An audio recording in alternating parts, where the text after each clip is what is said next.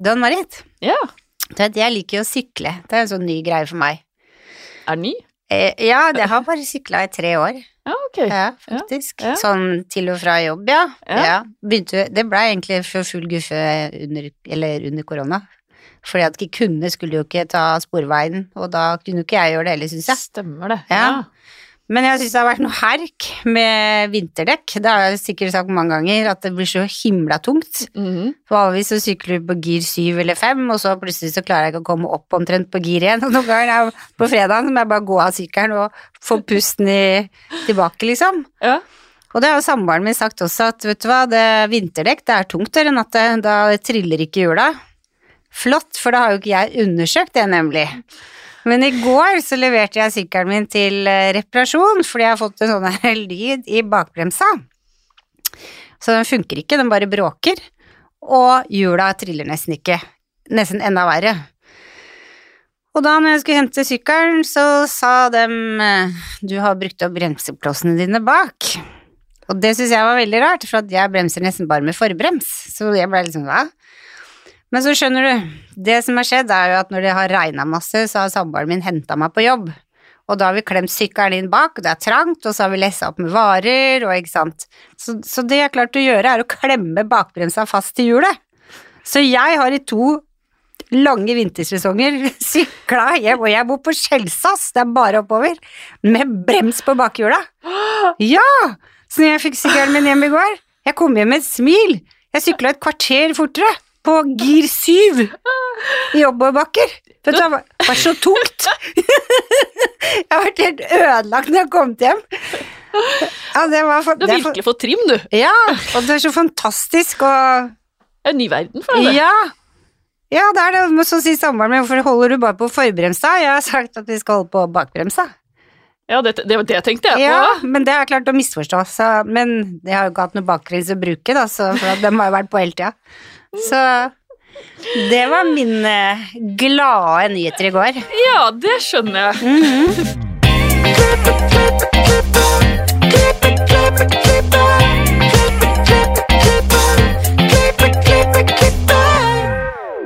Velkommen til Hårpodden. Jeg heter Anne Marit. Jeg heter Renate. Ja, hvordan har din uke vært?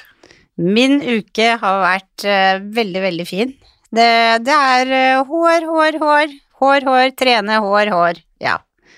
Med Peter. Og så er jeg to dager hjemmekontor i forrige uke, for da hadde han korona. Så da var det på Teams. Så nå gleder jeg meg til i morgen. I morgen så skal jeg på studio, og da skal jeg møte Maximo Morello. Nei, Jo, jeg skal sant? det! Og jeg gleder meg. Det er sånn starstruck, vondt i magen. Jeg gleder meg skikkelig. Ja, han har jo vært tidlig på podden, hvis noen lurer på hvem han er. Ja, Ja. skal jeg få se den i real life, så da må jeg være litt sånn nør, da. Ja. Ta en sånn selfie med ham. Det er Of course. ja. Så det, det har vært min uke. ja, du får hilse. Det skal jeg gjøre. Mm. Din uke, da? Du, nå har jeg lært meg en ny folieteknikk òg. Ja. Få folier og store effekter. Ten Og- files. Ja, hvor mange ble det? Ja, det blir eh, tolv. Tolv, ja. Tolv folier. Mhm. Uh, og den har et navn. Ja. Danigami. ja. er, det, er det en til tendens? Ja, Ja. ja joiko. Joiko, ja. Ja. Sorry. Så gøy. Ja, veldig befriende å lære noe som går litt fortere, for jeg er sånn back to back. Ja, ja. Folie, folie, folie, folie. ja men du trenger ikke 150 folier. Ja, gjør ikke det, altså. Fantastisk. Ny verden. Ja, det er deilig. Ja. Gratulerer. Ja, takk for det. Men vi sitter jo ikke her aleine. Nei, det er bra. Dagens gjest driver salongen Saks og Kam i Sortland og er educator for Every, every Hair og Kenu Koine. Koinau. Han er en helt rå frisør og kjent i bransjen. Velkommen til oss, Terje Levseth. Takk for det. Det er kjempe, kjempehyggelig å være her, så dette har jeg gleda meg til. Kan, kan ikke du starte med å fortelle Hvordan jeg ble frisør? Ja! Ja, altså egentlig så hadde jeg tenkt å bli arkitekt, men så innså jeg at jeg hadde åtte år til på skole, og det var helt uaktuelt. Og så kom jeg over en annonse i avisa. Dette er jo så lenge siden at det var bare papiraviser. 32 år siden faktisk i, i dag, eller i år. Og der var det en annonse med ledig plass på Nordnorsk frisørskole i Bodø. Så jeg ringte dit, og hun dama som tok telefonen, svarte selvfølgelig hyggelig, og jeg sier at eh, jeg skal gå på skole hos dere. Og så svarer hun det at ja, det skal du, men hvem er du? Og det måtte jeg jo selvfølgelig si, og så kom jeg inn på skole der, og sånn starta min frisørkarriere. Ganske tilfeldig start på min frisørkarriere. Jeg hadde vel kanskje hatt en liten tanke om at eh, det hadde jeg lyst til å gjøre, men det var ikke det jeg hadde starta med. Jeg starta først på teknisk eh, tegning eh, på yrkesskolen, og så innså jeg at det ble for, mange år på skole, og da fant jeg ut at frisør er min greie, og det har jeg gjort i 32 år nå, og det kommer jeg kanskje ikke til å gjøre 32 år til, men veldig mange. Jeg elsker det jeg holder på med. Jeg syns det blir artigere og artigere hver eneste dag. Jeg ble nysgjerrig. 32 år siden, var det vanskelig å komme inn da? Nei, ikke når det gjaldt en privat skole, for da var det bare å betale. Ja, det er samme som jeg gjorde. så det var ikke så vanskelig. Det vanskeligste var jo å overtale foreldrene mine til å betale for det. For at, Men eh, det ordna seg, det òg. Ja, så bra. Hva sa de når du kom hjem og sa du ville bli frisør? Eh, Det var litt vanskelig fordi at eh, de var på ferie når dette skjedde. For, og det var etter de hadde hatt inntak. Det var jo helt spontant at jeg bestemte det. Så, og vi hadde ikke mobiltelefon på den tida, så det var jo å få tak i dem og fortelle det at um, jeg hadde en regning på 32 33 000, tror jeg det var, som måtte betales. Men jeg hadde vært i banken og ordna med lån, og de hadde på en måte godkjent lånet, og bare jeg fikk en kausjonist på det, da. Så jeg tok opp et privat lån i, i Nordlandsbanken på, på den tida for å bli frisør. Og vi fikk betalt skolen og, og alt det. Og foreldrene mine kom hjem og, og fikk eh, skrevet under på de her kausjonistpapirene. Og så når vi var kommet hjem, så ringer de fra banken og sier at vi har gjort en feil, vi kan ikke gi han det lånet, for at han er under 18. Så da måtte mine foreldre trå til, og så fikk jeg eh, lån hos dem. Ja. Så sånn, eh, sånn ble jeg frisør. Eller starta med det. Mm -hmm. Hvor var du lærling? Jeg starta som lærling på Uniklipp på Sortland sammen med masse andre fantastiske frisører. Vi var en ganske stor salong på den tida, og der jobba jeg de første årene av min lærlingetid, og det var helt fantastisk. Og så ble jeg oppringt av Inger Ellen Nikolaisen, som, eh, som er eier av Nikita, og lurte på om ikke det var på tide at jeg kom tilbake til Bodø. Og eh, jo, jeg tenkte at det er det vel. Så det gjorde jeg. Så endte jeg opp og jobba noen år der før jeg kom til og så Jeg avslutta på en måte aldri lærlingetida mi, for jeg endte opp som daglig leder på en av Nikita-salongene eh, i byen allerede mens jeg var, mens jeg var lærling. Oi. Og så Det ble aldri til at jeg tok fagbrevet på den tida, så jeg tok det i 2003, ganske nøyaktig ti år etter at jeg skulle ha gjort det.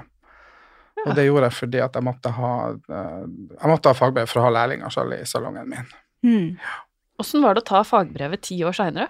Det var veldig spesielt fordi at eh, eh, vi hadde jo en helt annen opplæring før. Den var mye Jeg skal ikke si at den var grundigere, for, for eh, det er jo på en måte det samme. Men fagprøven er inndelt på en helt annen måte. Den dagen var det to dager, og jeg mener det var 16 disipliner, Mm. som vi måtte gjennom alle disiplinene. Og når jeg tok fagbrevet ti år etterpå, så var det veldig spesielt for meg, fordi at jeg hadde opplæring etter den gamle modulen, og så fikk jeg utdelt prøven den ene dagen, det var en mandag, og så gjorde jeg og leverte inn den teoretisk, og så neste mandag så skulle jeg gjøre det praktiske arbeidet, og da hadde, tror jeg jeg hadde fire disipliner.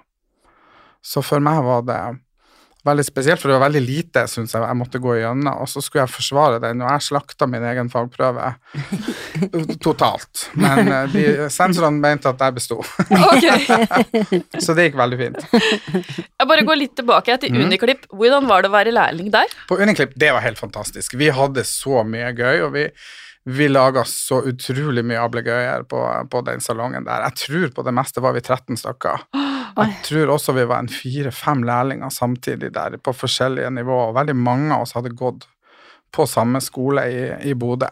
Og vi har på en måte holdt kontakten, mange av oss enda. Det, det er veldig få igjen som er frisør. Jeg tror faktisk fra den tida og den lærlingtida som jeg hadde der, så er det bare jeg og Lise Finden som, som eh, er, er igjen. Som, fra vi starta der. Og unnskyld meg, der er selvfølgelig en til som jeg vet som er frisør, og det er jo min kompanjong i, på Saks og Kam på Sortland. Vi eier salongen i lag, og hun var også lærling. Hun kom litt etter hvert der, og, og så begynte som lærling på Uniklipp der. Så den salongen har produsert veldig mye frisører til egentlig hele Norge. Mm. Men på Sortland, hvor mange frisørsalonger er det der? Sist jeg telte over, det er 16 eller 17 frisørsalonger, i- med små og store, i, i sentrum av eh, Sortland. Og Sortland er jo ikke en stor by, akkurat. Hvor mange innbyggere er det der? 10 11 000, tror jeg, i kommunen. Ja, men Mm. alle må klippe seg. Alle må klippe seg, hvis ikke så får vi klippe hverandre. Får vi leve av det. Men det har alltid vært veldig tett befolka av frisører på, på Sortland. Ja. Og den salongen som jeg har, er en av de eldste på Sortland. Uniklipp er den, vel den nest eldste, tror jeg, og så er det vi som nummer eh, ja, tre og fire, kan, kan man si. Og den er til neste år, så er den salongen jeg har, den 40 år. Oi, men mange jobber der? Per nå så er vi fire som jobber der. Ja. Vi har vært veldig mange, men eh, det gikk ikke, så vi måtte downsize, og nå er vi fire. Og så får vi se etter hvert. Men vi har et voldsomt stort lokale, for vi har også et opplæringsstudio i bakkant av eh, salongen. Og så har vi hudpleie, og så har vi fotpleie, akupunktør, osteopat. Vi har ganske mye som er Så innom deilig! tatovører, piercingartister, så vi leier ut også på dagsbasis eh, behandlingsrom. Så det er av og til veldig rolig hos oss, og av og til så er det full fart og rock'n'roll hele dagen. Men er det sånn dere 17 salonger, var det i den byen? Ja, jeg tror det er ca. 16-17. Kjenner dere alle hverandre, liksom? Absolutt. Ja, og dere er liksom møtes en gang i måneden, Overhodet ikke. Nei, ok. Jeg tror ikke, vi er vel ikke Det er vel ingen av oss som er sånn eh, bitre konkurrenter. Så det, det tenker jeg ikke at vi er. Det, det, det er egentlig et veldig godt miljø. Kanskje vi skulle hatt litt mer kontakt eh, enn det vi hadde før, men det er et veldig, veldig stort alderssprang. Jeg som har jobbet, og det er ganske mange med meg som har jobba i rundt 30 år. Og så har vi de som har jobba i ett og to og tre år. Og vi er veldig forskjellige på måten vi jobber på. Og tenker også at vi har veldig mye forskjellige verdier. Vi har veldig mye forskjellige interesser, og ja, i det hele tatt måte å jobbe på, og, og ikke minst når vi er på jobb. Mm. Så det er ikke så stor kontakt. Det er jo også litt sånn at eh, jeg har jo hatt flere av barna til mine venner eh, som har gått i lære hos meg, så det er jo et veldig stort alderssprang også der. Naturlig nok ikke så mye De orker ikke å henge med oss gamlingene. Hva syns du er det beste med å være frisør? da? Og det beste med å være frisør er å gjøre folk lykkelige og, og få dem til å føle seg fin. Jeg har en sånn regel, jeg spør aldri kundene mine om det ser bra ut, jeg spør alltid om det kjennes bra ut. For det er den følelsen du ser at de blir liksom noen centimeter høyere, og ja, sjøltilliten eh, vokser. Så det syns jeg er det beste med å være frisør. Å, fantastisk følelse. Mm. Ja. Alltid viktig hvordan de skal se ut, det vil vi, det vil vi bli enige om. Mm. Og, og det, den er grei, men det er liksom den følelsen, den må være der også. Mm. Hva, hva er din spesialitet? Min spesialitet eh, Det var i veldig mange Og det er det for så vidt enda. Farge er jo min, eh, mitt hjertebarn. Det, det er jo noe som jeg har vært veldig, veldig glad i og har jobba utrolig mye forskjellige måter og teknikker med farge opp gjennom årene og har bestemt meg for å bli god på det. Og har satt meg inn i det veldig, veldig godt. Og i dag så driver jeg også på sida med det veldig mye med, med, med grooming for, for menn, altså skjegg og barbering og sånne ting. Det er ikke noe helbarbering i salongen hos oss, for det at moten er jo gjerne at de skal ha skjegg. Men eh, veldig mye vekt på det å skape frisyrer både på hår og skjegg til guttene. Så det er vel kanskje mine to spesialiteter, farge, farge og skjegg. Når du sier du setter deg ordentlig inn i det, på hvilken måte gjør du det da? Leser du det opp, eller Ja, øver du? Jeg eller? øver og leser meg opp og studerer. Jeg er på YouTube, jeg er på nettet, jeg går med tur i naturen og ser fargekombinasjoner. Jeg ser egentlig inspirasjon absolutt overalt, og så har jeg bestemt meg veldig tidlig for det at eh, det er ikke dårlige produkter det vi har, for jeg kan ikke si at eh, det merket er kjempedårlig, og så fungerer det i 100 land. Da vel, må jeg heller gå litt inn i meg sjøl. Så jeg sier til alle, og jeg sier til meg sjøl med at du må lære deg å bruke de verktøyene som du har. Og hvis du setter deg inn i det og, og blir kjent med det, istedenfor å godkjenne det at det er noen andre som har gjort før oss, så bli kjent med det du har, og, og øv deg. Øving, øving, øving, øving. Og så tål å gjøre feil. Og så har jeg òg en annen regel når det gjelder spesielt farge og sånne ting, at eh, jeg bunner ikke på noe som jeg ikke kan rette opp i hvis at det ikke går. Og det har jo vi alle midlene til å gjøre i salongen. Så eh, det er mitt beste tips, og det gjør jeg med meg sjøl. Jeg er akkurat like streng med meg sjøl som jeg er med andre når det gjelder opplæring. Hvordan blei du educator? Jeg husker ikke. det er 20 år siden jeg tenker at det var min eh, på, Hvordan blei du det? Ja, altså, jeg, jeg var vel ganske pågående at jeg hadde lyst til å bli det, så jeg starta for ja, ca. 20 år siden. Så begynte jeg å jobbe for Revlon. Og da jobba vi i et firma som heter Rubicon Kosmetikk, eller det vil si jeg var en, en del av det firmaet som heter Fairplay Coiffør. Og så ble det overtatt, eller i, i, i Rubicon, som det var et sånn lite datterselskap av. Så begynte jeg å jobbe for Schwarzkopf, og gjorde det i veldig, veldig mange år. Og så ble etter hvert det merket bytta over til forskjellige firmaer, og jeg var med på tre firmaer der. Og så Siste gangen så jobba jeg for Friends, og da, det gjorde jeg egentlig også før det, Schwarzkopf gikk over dit. Så jeg jobba med utrolig mange merker, og så endte jeg opp med for i 2017 så, så starta jeg å jobbe for Everyhair og Coine Norge. Det er produkter som jeg har kjent fra før. Og så hadde jeg veldig lyst til å bli med på et uh, firma som var litt mindre, og som var på en måte på tur oppover og være med å bygge det merket i, i Norge. Det har vært i 20 år, vi har 20-årsjubileum i år, men uh, vi trenger absolutt å, å spre det gode det gode budskap der. For det er et veldig stort merke i, i utlandet. Vi er i 86 land, tror jeg det er nå. Men uh, det er ikke så stort i Norge enda. Men jeg elsker å jobbe med opplæring og education. Hvor mange produkter er det? I, i Coine-serien? Yeah. Vi har en Care-serie, og så har vi en, eh, en Style-serie, så har vi en herreserie, og så har vi semifarge, eh, klassiske farge, og sånn Crazy Colors direkte farge. Og så har vi også en grønn serie, som er både styling og, og, og pleie, og farge. Den er helt ammoniakkfri. Og der er sikkert flere som jeg ikke kommer på, men det er en ganske stor uh, serie, eller en stor familie, hvis jeg kan si det sånn, med forskjellige produkter. Men det er liksom inndelt i forskjellige små eller mindre serier. Mm, ja, Den hørtes ganske stor ut. Den er ganske stor, men det er ikke så voldsomt mye produkter. Men uh, veldig lett og oversiktlig, og utrolig gode produkter å jobbe med. og uh, Veldig artig. Det er et familiefirma som driver det, og det firmaet, eller det merket, det er 100 år i år. Og det er fremdeles dreven av samme familie. Det er altså Oi. barnebarna til han som starta det, eller de som starta det, for det var et ektepar, uh, som driver det ennå. Og sønnen han er også på kontoret hver dag i, på hovedkontoret i Sust i Nederland. Hva er det som er spesielt med den serien? Den serien er, De starta som, eh, som apotekere. De som, det var ikke frisører som starta det her merket. Og så har de liksom jobba veldig på, på Det er veldig milde produkter. De er veldig allsidige produkter. De er utrolig effektive produkter, og, og, og så er det også De har holdt det og stoppet det de kan av, av, av, av salg i ikke-frisørlinje, hvis du kan si det sånn. Så det skal være kun til saks hos profesjonelle. Og så er det De virker bare. De er helt fantastiske, og fargen er Jeg føler vel kanskje med hele serien og fargen at jeg har endelig funnet et produkt som er laga for det skandinaviske hår.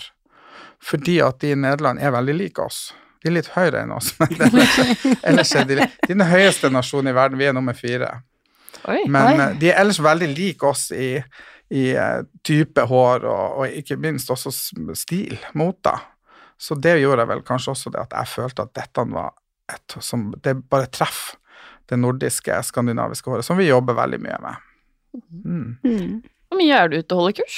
Det varierer, nå har det jo ikke vært noen ting på, på lenge, men eh, det er jo en sånn travel runde på våren, og så er det en travel runde på høsten. Og nå har vi kjørt i gang et ganske bra kursprogram, så får vi se. Folk må liksom våkne og, og melde seg på kurs. De er ikke vant til det lenger. Er det Så jeg reiser mye ned til Drammen og holder kurs på, på hovedkontoret på studio der. Eller så har jeg kurs hjemme i, i mitt studio. Og så har vi av og til, hvis vi har nylanseringer og litt sånne ting, så reiser vi rundt og, og holder kurs rundt omkring i hele, hele Norge. Hva slags kurs liker du å gå på selv? Å, gå, og jeg elsker å gå på stylingkurs. Jeg syns der er det så mange fantastiske ideer. Og, og, og der, For det handler om å prøve seg frem, og det handler om å være kreativ. Jeg liker egentlig alle typer kurs, men jeg er veldig glad i å gå på styling. Oppsetting, langhårsfrisering, det har også vært en stor passion for meg. Så jeg liker generelt bare å gå på kurs og treffe andre frisører. Jeg er enig. Syns det er fantastisk.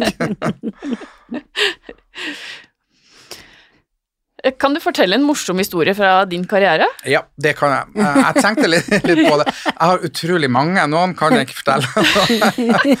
Men vi hadde vi, Den tida jeg jobba i Svarskov, så hadde vi Vi var, var en gjeng som var Vi var sprøytegale, det er lov å si det. Men vi holdt veldig, veldig bra kurs, og vi hadde en ut, et utrolig fin tid sammen. Og vi var Vi hadde vikingkurs på Seilet, et hotell i, i Molde. Og vi laga voldsomt mye ablegøyer der, og vi flira og vi bråka så mye. Altså på den tida så var den hotteste komikeren i Norge, det var Synnøve Svabø. Og hun er både programleder og TV, og ja, hun har gjort utrolig mye kjente dame, men utstyrtelig morsom dame. Men vi flira så mye inn hos oss, for hun hadde da et seminar i nabolokalet. Men det var så mye bråk og fliring inne hos oss i, i frisørkurset. Så hun kom inn med noen av de som var deltakere på hennes seminar, og så spurte om de kunne få være i lag med oss, for det var mye morsommere. å være Oi. der inne. Så det var litt gøy. For vi forstyrra dem. så eh, det er viktig å Det er viktig når vi holder kurs at vi ikke er ovenfra og ned. Vi må være på linje med de som er der, og så må vi ja, vi må være åpne for at de som sitter i salen, faktisk kan ting bedre enn vi kan. Og det syns jeg er veldig viktig, for det verste som er å være på kurs, det er jo når noen snakker det ned til deg. Så, og så er det å Man må by på seg sjøl, ha det litt gøy, ikke være så høytidelig. Og eh, være litt rock'n'roll. Så vårt kurs det er veldig mye morsomt, veldig mye fliring. Og veldig mye på bekostning av den som står attmed deg på, på, på scenen eller på podiet. Så det må man tåle. Ja. Man skal bjuda på. Ja, man skal bjuda på. Hva, hva tenker du blir den neste store hårtrenden? Jeg tror det ser jo ut som vi beveger oss veldig mot en, en 80-tallsinspirert, med mye mer oppklipt hår, store pannelugger og, og, og litt sånn crazy farge igjen. Eh, Det ser ut som vi, vi beveger oss mye bort ifra den her eh, naturlige den, Den vil alltid være det naturlig lange, blonde håret, men, men i tillegg til det så, så blir vi litt mer crazy. Litt stort hår igjen, rett og slett, for det har vært flatt ganske lenge, og det blir greit å få litt volum. Så jeg tror at det, det ser sånn ut både på klesmoten og, og, og hårmoten, og, og det som eh, jeg tenker det er at vi vi sier alltid 80-tallet, men 90-tallet var ganske likt, for det var da jeg begynte, og jeg begynte i 90, og jeg holdt på med akkurat det som vi tenker med om 80-tallet, med permanenter og, og stort hår og tupering og sånne ting, så en kombinasjon av 80 og 90. Mm. Tror du permanent noen gang kommer til å komme tilbake som Som, Den som var? stort Nei. Nei. Og jeg tror ikke det. Jeg tror det er to grunner til det. Den ene er det at vi, vi, vi klarer liksom ikke helt å få den tilbake inn i salongen, for det var mye styr med det. Og så tror ikke jeg Enda har jeg ikke sett det, i hvert fall, men permanenten funker ikke på samme måte som den gjorde på 80-tallet, for den, den tåler ikke den behandlinga vi gjør den i dag. Vi vasker håret hver dag, vi føner det, vi styler det, vi ordner det, vi skal ha det lettvint og sånne ting, mens en permanent den krever en del styling, ellers er den borte etter eh, no time. Og så må vi drive og ta, for det er jo vi som får støyten selv om kunden har ødelagt permanenten, Mm. så må vi ta ny, og så må vi ta ny, og til slutt så må vi gi de pengene tilbake fordi at eh, det ikke funka. Mm. Den er rett og slett, vi har for, for tungt hår til, til, til det. Så den vil alltid være der, men jeg tror ikke den blir noe, noe stor eh, sånn som farg. sånn som balayage har tatt over eh, hele verden. Det tror jeg ikke blir å skje permanent. Jeg håper ikke det. Vi må bare ta deg litt tilbake til det der Mm. 80-90-tallet, for jeg har sett eh, eh, i det siste, for det har vært veldig mye midtskill og litt Ja. sånn curtain bangs Ja, ja, litt krøller. Flatt, men ikke samtidig, på en måte. Men så har jeg sett at det kommer sideskill tilbake. Sideskill kommer. Blir det den der Jeg tror det blir den oppluggen, ja. Jeg, tror, jeg håper det. Det var jo eneste forskjellen på guttene og jentene på den tida. Guttene Ja. hadde luggen ned, og jentene hadde den opp. Ja, Ja. herlig, fantastisk. Så får vi se. Jeg, håper jo det. Dette har vi jo i fingrene. Ja, ja, ja, vi er jo født med det. Sånn Ja. Så det, det passer med kvervler, vet du. Jeg, jeg, jeg prøvde meg alltid på sånn midtskill når det var, men jeg hadde så voldsomme kvervler i håret at det, det, det endte opp med to skiller. Så det var ikke alt som var like heldig, men det, vi hadde jo stiv uh, hårspray på den tida, det har vi jo ennå, men uh, da var det ikke noe No limit på Nei. det. Det var bare Ladyfix Lady og kvinol. Klinol, ja. Mm, Mm. det var lim. ja. Kan du beskrive en bra dag på jobb? En bra dag på jobb, ja, det er jo først når det er godt vær, og, og, og det vi si, produserer på jobb, klarer å holde seg lenger enn bare til bilen. Eh, og så er det jo når alle er fornøyd, og du føler at du har skapt dagen i en veldig positiv eh, retning for kundene dine. Det er en bra dag på jobb. Og når, ikke minst når du får melding når du kommer hjem av kunder som sier at 'vet du hva, du leste tankene mine'. Nå føler jeg meg bra. Ja. Da kjenner jeg det at yes, dette Mm. skal jeg holde på med i 30-40 år til. Mm. Vi har verdens beste jobb. Vi har det, helt klart. Uten Mm. tvil. Jeg har aldri villet gjort noe annet. I hvert fall har det vært veldig korte øyeblikk av det, men eh, jeg skal alltid være frisør. Mm. Ja. Jeg er helt enig. Hva tenker du skal til for at eh, man skal rekruttere enda flere inn i bransjen vår? Ja, det er jo et spørsmål som jeg, som jeg brenner veldig for. Det er mm. kjempeviktig. Samtidig så uh, Altså, vi, vi må få alle til å forstå at det, vi kan ikke bare uh, gå etter lønningen. fordi at lønningen uh, er veldig uglesett i vår bransje. Men de er jo ikke dårlige. Nei. De trenger ikke å være dårlige. Hvis du godtar at de er dårlige, så må du på en måte gå litt i deg sjøl. Men ei fagarbeiderlønn er jo det samme uansett hva du gjør. Vi får bare ikke så mye tillegg som frisør, for vi jobber vanligvis fra ni til fire, og det er ikke full dag. Og så tror jeg det Vi har gjort mange ting for å, å øke interessen for eh, bransjen. Vi må åpne oss for eh, nye ting. Vi må gjøre sånn at det blir kreativt og gøy å, å jobbe igjen, og få de her unge, kreative, talentfulle Der er jo utrolig mange som bare ikke får sjansen. Fordi at vi legger den frisørlinja over en lav sko i stedet for å jobbe aktivt for å rekruttere. Så jeg tror vi må fokusere på uh, altså det som er gøy, og det som er fantastisk med faget, og så glemmer vi det som ikke helt funker, for det kan vi alltids ordne på. Det vil det være i alle yrker. Og så vise hva, hvor uh, fantastisk det faget vi har er. Og så er det plass til alle typer, enten du er dårlig på skolen og ikke kan teori, eller du er helt fantastisk i, i, i alt. Så at vi kan hjelpe de å styre det inn på den riktige type salong. Det tror jeg er.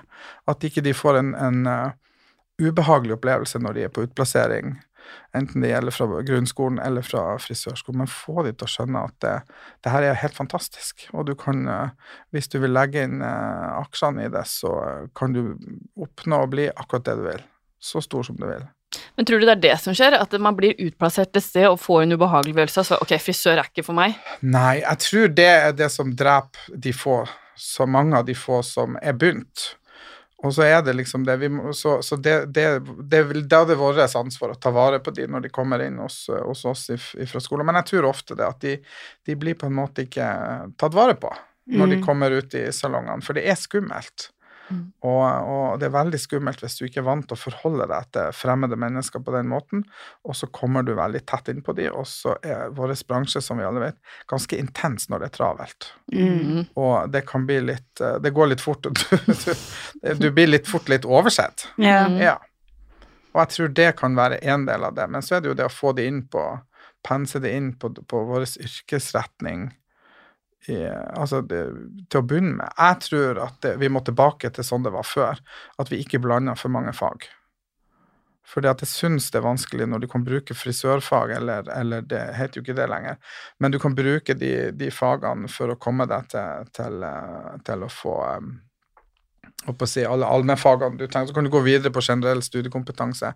Jeg ønsker meg tilbake til yrkesskoler, rene yrkesskoler, som er å legge stoltheten i, i yrkesfag. Og det gjelder egentlig alle yrkesfag. For det viser seg jo at folk ønsker det, Mm. men de blir ofte anbefalt å ikke gjøre det. Fordi at de er for smart, du har for gode karakterer, du skal ikke gjøre det. Der er ut, utrolig mange forskjellige ting, men vi må rett og slett åpne eh, for å ta imot ungdommen. Og så må vi endre litt holdninger, tror jeg, på ungdommen, sånn at de føler seg velkommen. For de er jo ikke late. Det har jo ikke skjedd noe genetisk på en halv generasjon.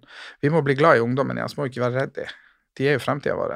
Vi må jobbe med foreldra, tror jeg. Det er foreldrene som er Ja, problemet, ikke ungdommen. Det har jeg alltid Nei. sagt. Mm. Å ha lærlinger, så har jeg ingen problemer med lærlingene. Foreldrene foreldre. har jeg mer problemer med. Men du har jo hatt lærlinger i lang tid, Mhm. så du merker ikke noe forskjell på ungdommen i dag og for 20 år siden? Nei.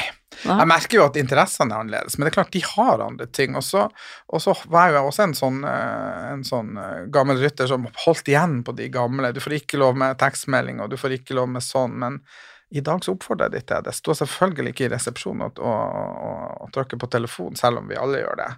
Men, men bruk den, i stedet for å, å, å liksom være på Facebook og, og på Tinder og, og whatever. Men bruk det, og finn frem gode frisørvideoer og, og sånne ting. Bruk, finn inspirasjon. Og så at jeg kan prøve å nærme meg interessene deres istedenfor å slåss imot dem. For dette, verden har endra seg, og vi er nødt til å endre oss med den. For når jeg begynte, så, så kunne jeg vente i seks måneder på at det, det rette bladet kom. Mm. Mens nå, altså når det har vært mettskaller i, i New York, så får du det før den er ferdig. Kan jeg se på hva, hvordan hår og, og klær var. Så vi må være åpne for at vi må være kjappe og komme med inspirasjon, for eh, ellers er vi forbigått. Så egentlig så er det vi som har vært i faget lenge, som må forandre oss litt. Ja, ja det, det er absolutt. For Det er jo vi som er foreldre. ja, det Ja, det. kanskje er det. Snart er jeg ute av de som er besteforeldre. Nei, men jeg, jeg tror at det er vi som må endre oss. Vi, vi, vi kan ikke tviholde på det gamle. Vi skal ikke glemme det vi kan og det vi har lært, men vi må på en måte få den yngre garde. Vi kan ikke på en måte tvinge ned, ned gjennom halsen på de alt det som vi gjorde, for det, Ja. det er over. Mye er over. Og det er fremdeles like gøy, og veldig mye av det skal skal innrømme at det som jeg var motstandere når jeg var, gikk i lære, jeg kom aldri til å bruke de tingene. Jeg bruker det mye den dag i dag, men, men det har endra seg, og vi må åpne for at vi får forskjellige typer frisører. For jeg tror det, det er ikke ungdommen eh, som skal endre seg, det er vi. Ja, det er det. Jeg tror det. Mm. jeg husker når jeg var lærling, så var noe av det verste jeg visste å høre, det var 'den gang jeg var lærling, så' Og jeg tenkte jeg åh. Man gjør jo så godt man kan, men man står jo på, alle har jo sin historie. Og så endrer det seg underveis. Det gjør det. Så jeg kan ikke si til lærlingen som er på Grünerløkka at 'den gang jeg var, Nei. da gjorde vi det sånn'. For sånn gjør jo ikke henne i det i dag. Nei, og det Det det, funker er de, ikke. de tror oss ikke fordi at eh, vi kan si det som du sier, men, men eh, de ser jo ikke det. Så vi må også lede med eksempel. Mm. Og så tror jeg det at vi må huske på det at eh, vi må fornye oss hele tida. Vi må være med på det de gjør.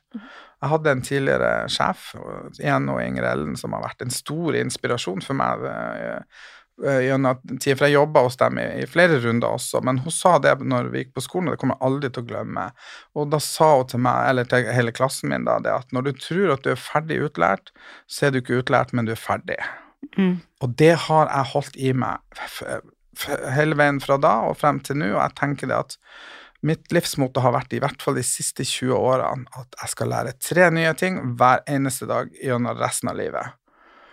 Og det er det er selvfølgelig enkelte dager hvor jeg føler at jeg ikke har lært noen ting, og så er det noen dager hvor jeg har fått trødd nedover eh, Mm. hodet masse lærdom. Mm. Så i snitt, og det tror jeg jeg kan si med hånda på hjertet at det fungerer. Jeg lærer masse, masse nytt hver eneste dag.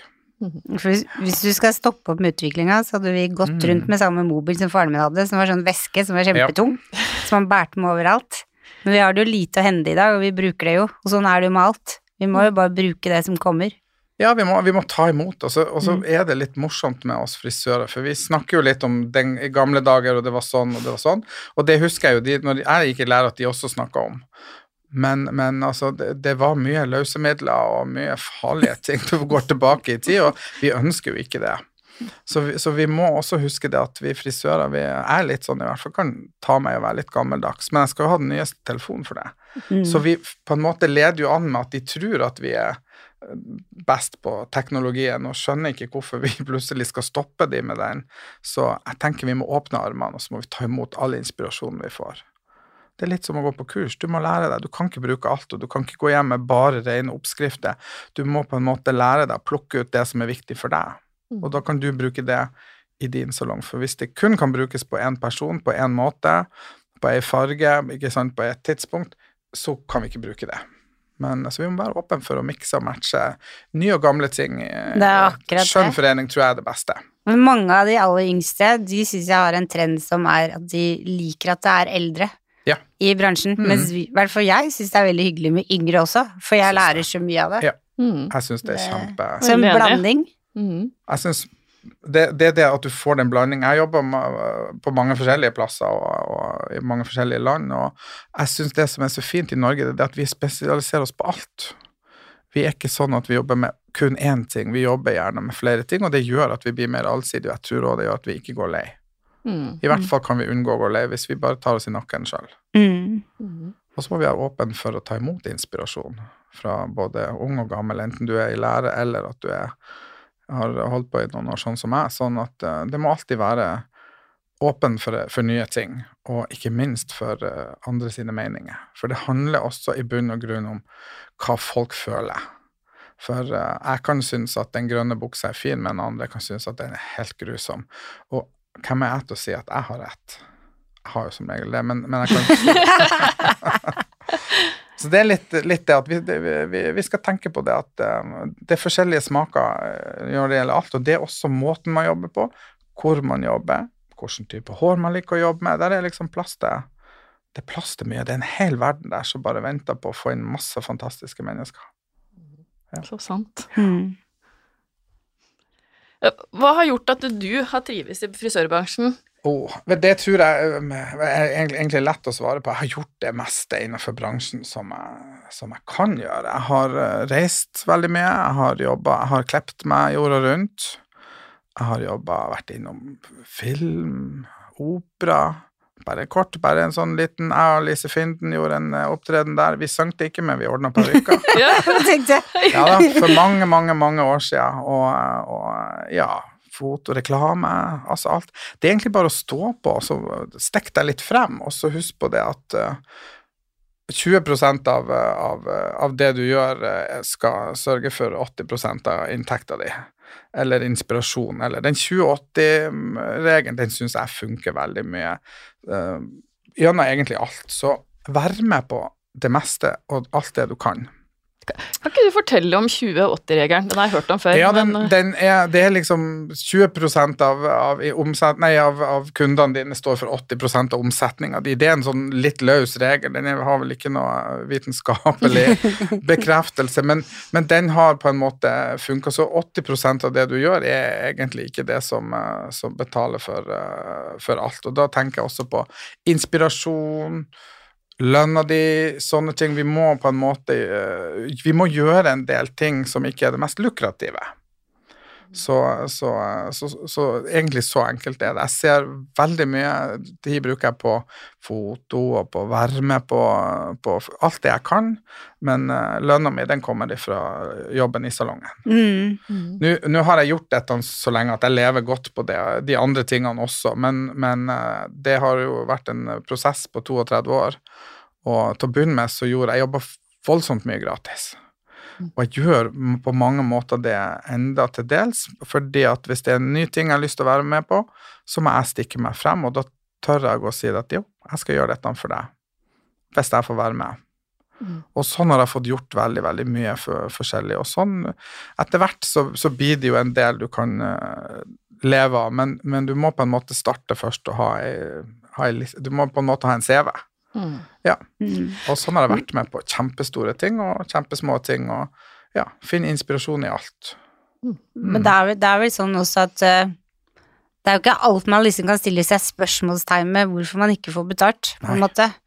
For hvis du, hvis du skal lage et bilde, da, og du skal ha betalt fra du starter med prosessen i huet til bildet er på bordet, så er det ingen som har råd til å produsere det bildet. Nei, de har ikke det. Mm. Og så er det viktig der jeg, jeg, prøver å finne meg samarbeidspartnere så på en måte vi kan dele på, på, på prisen, kan du si. Mm. Både det, Hvis jeg leier inn en fotograf, så betaler jeg det, selvfølgelig. Men hvis vi skal gjøre et prosjekt, f.eks. jeg skal levere inn noen bilder til en konkurranse, så har kanskje ikke jeg mange titalls tusen å bruke på, på de riktige. Og da, da, får jeg øh, finne noen som jeg kan jobbe sammen med, og så, og så får vi sørge for at alle får noe ut av det prosessen, lærdommen og ikke minst eh, premiene.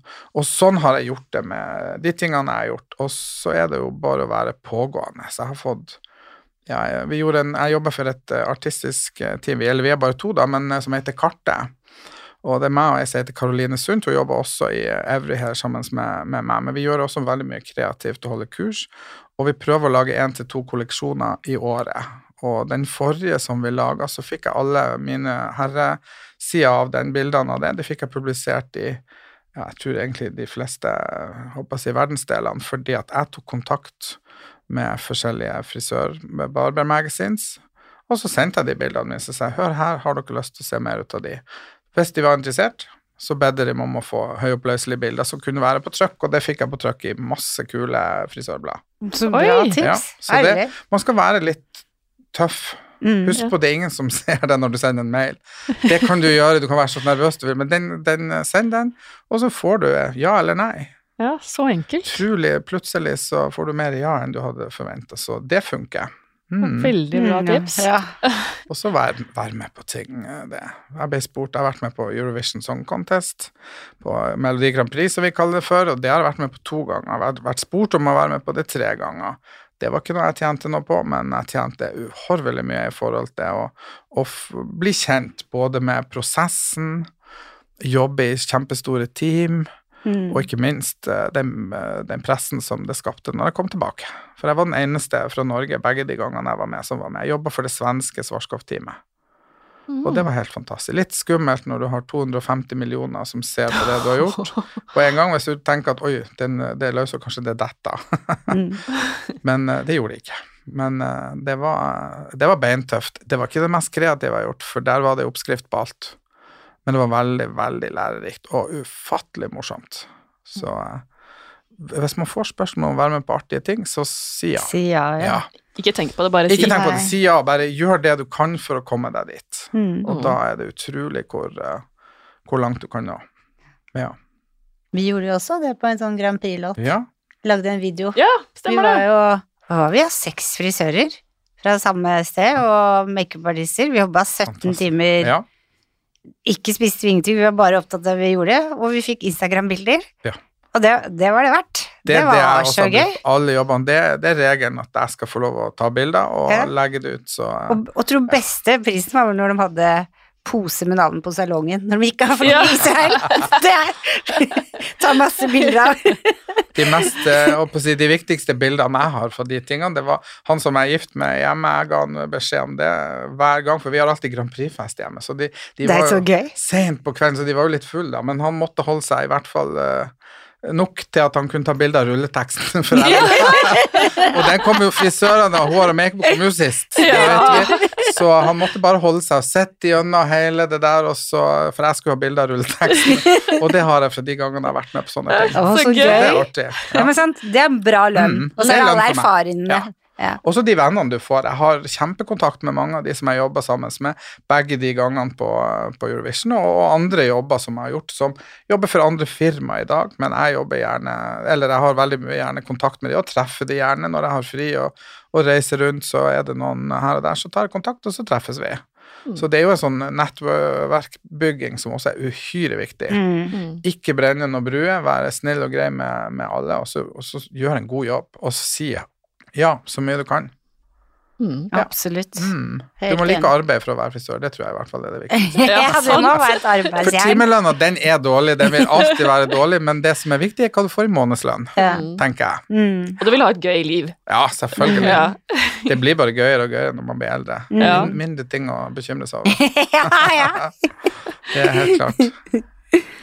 Eh, Vi har noen faste spørsmål, da. Ja. Nå har du allerede gitt oss mange tips, men har du noen flere? Har du noen tips til frisører som vil opp og frem? Ja, det er altså sosiale medier er jo uhyre viktig i dag, og, og mye mer viktig. Vi tenker å like det, men det er veldig, veldig viktig. Så ta bilder, legg ut, finn eh, gode tags på, på bildene dine, sånn at folk faktisk ser det. For, eh, for det er liksom der folk sitter og leter etter inspirasjon, så gjør du en god jobb, spør kunden din, ta, bruk modeller. Jeg har fast modelldag en dag i, i uka. Det er ikke sånn at jeg har hele dag, men jeg har en modell. Og tar bilder og får legge ut og ja, så mye som du kan på sosiale medier, for det, det funker. Og det andre deler det og ser det, og ja, da bygger du kundebase. Utrolig mange som ser det du gjør, i tilfelle de er på jakt etter noen som skal være med backstage på noe også. Så Mm. sosiale medier, helt klart. Mm. Veldig bra tips. Mm. Hva inspirerer deg? alt.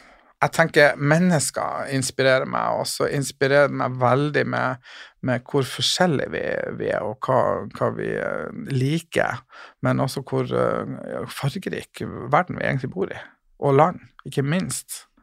Så jeg vil si at jeg finner inspirasjon overalt, men jeg blir veldig inspirert av, av folk, av fagnerder, som virkelig Mm. går inn i det de holder på med, for det er oppbygging på alt. Mm. Ja. Mm. Kollegaer. Kanskje det som inspirerer meg mest. Veldig, veldig enig. Mm. Hvis du kunne forandre noe med frisørbransjen, hva skulle det vært? Eh, Opplæringa. Da vil jeg gå tilbake, litt tilbake til det gamle. Det er ikke sånn at det gamle er best, men det kan være best.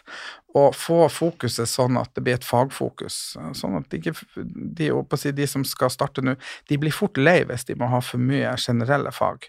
Jeg vil ha det inn på ja, fagsporet så fort som mulig.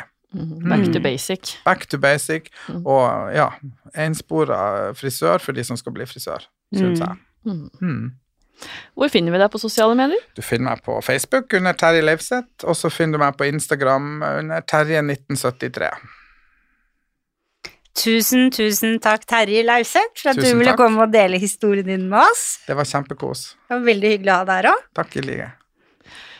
Og følg gjerne oss på sosiale medier, og gi oss gjerne stjerner eller kommentarer på iTunes. Da blir vi veldig, veldig, veldig glad. Og så høres vi neste uke. Ha det bra!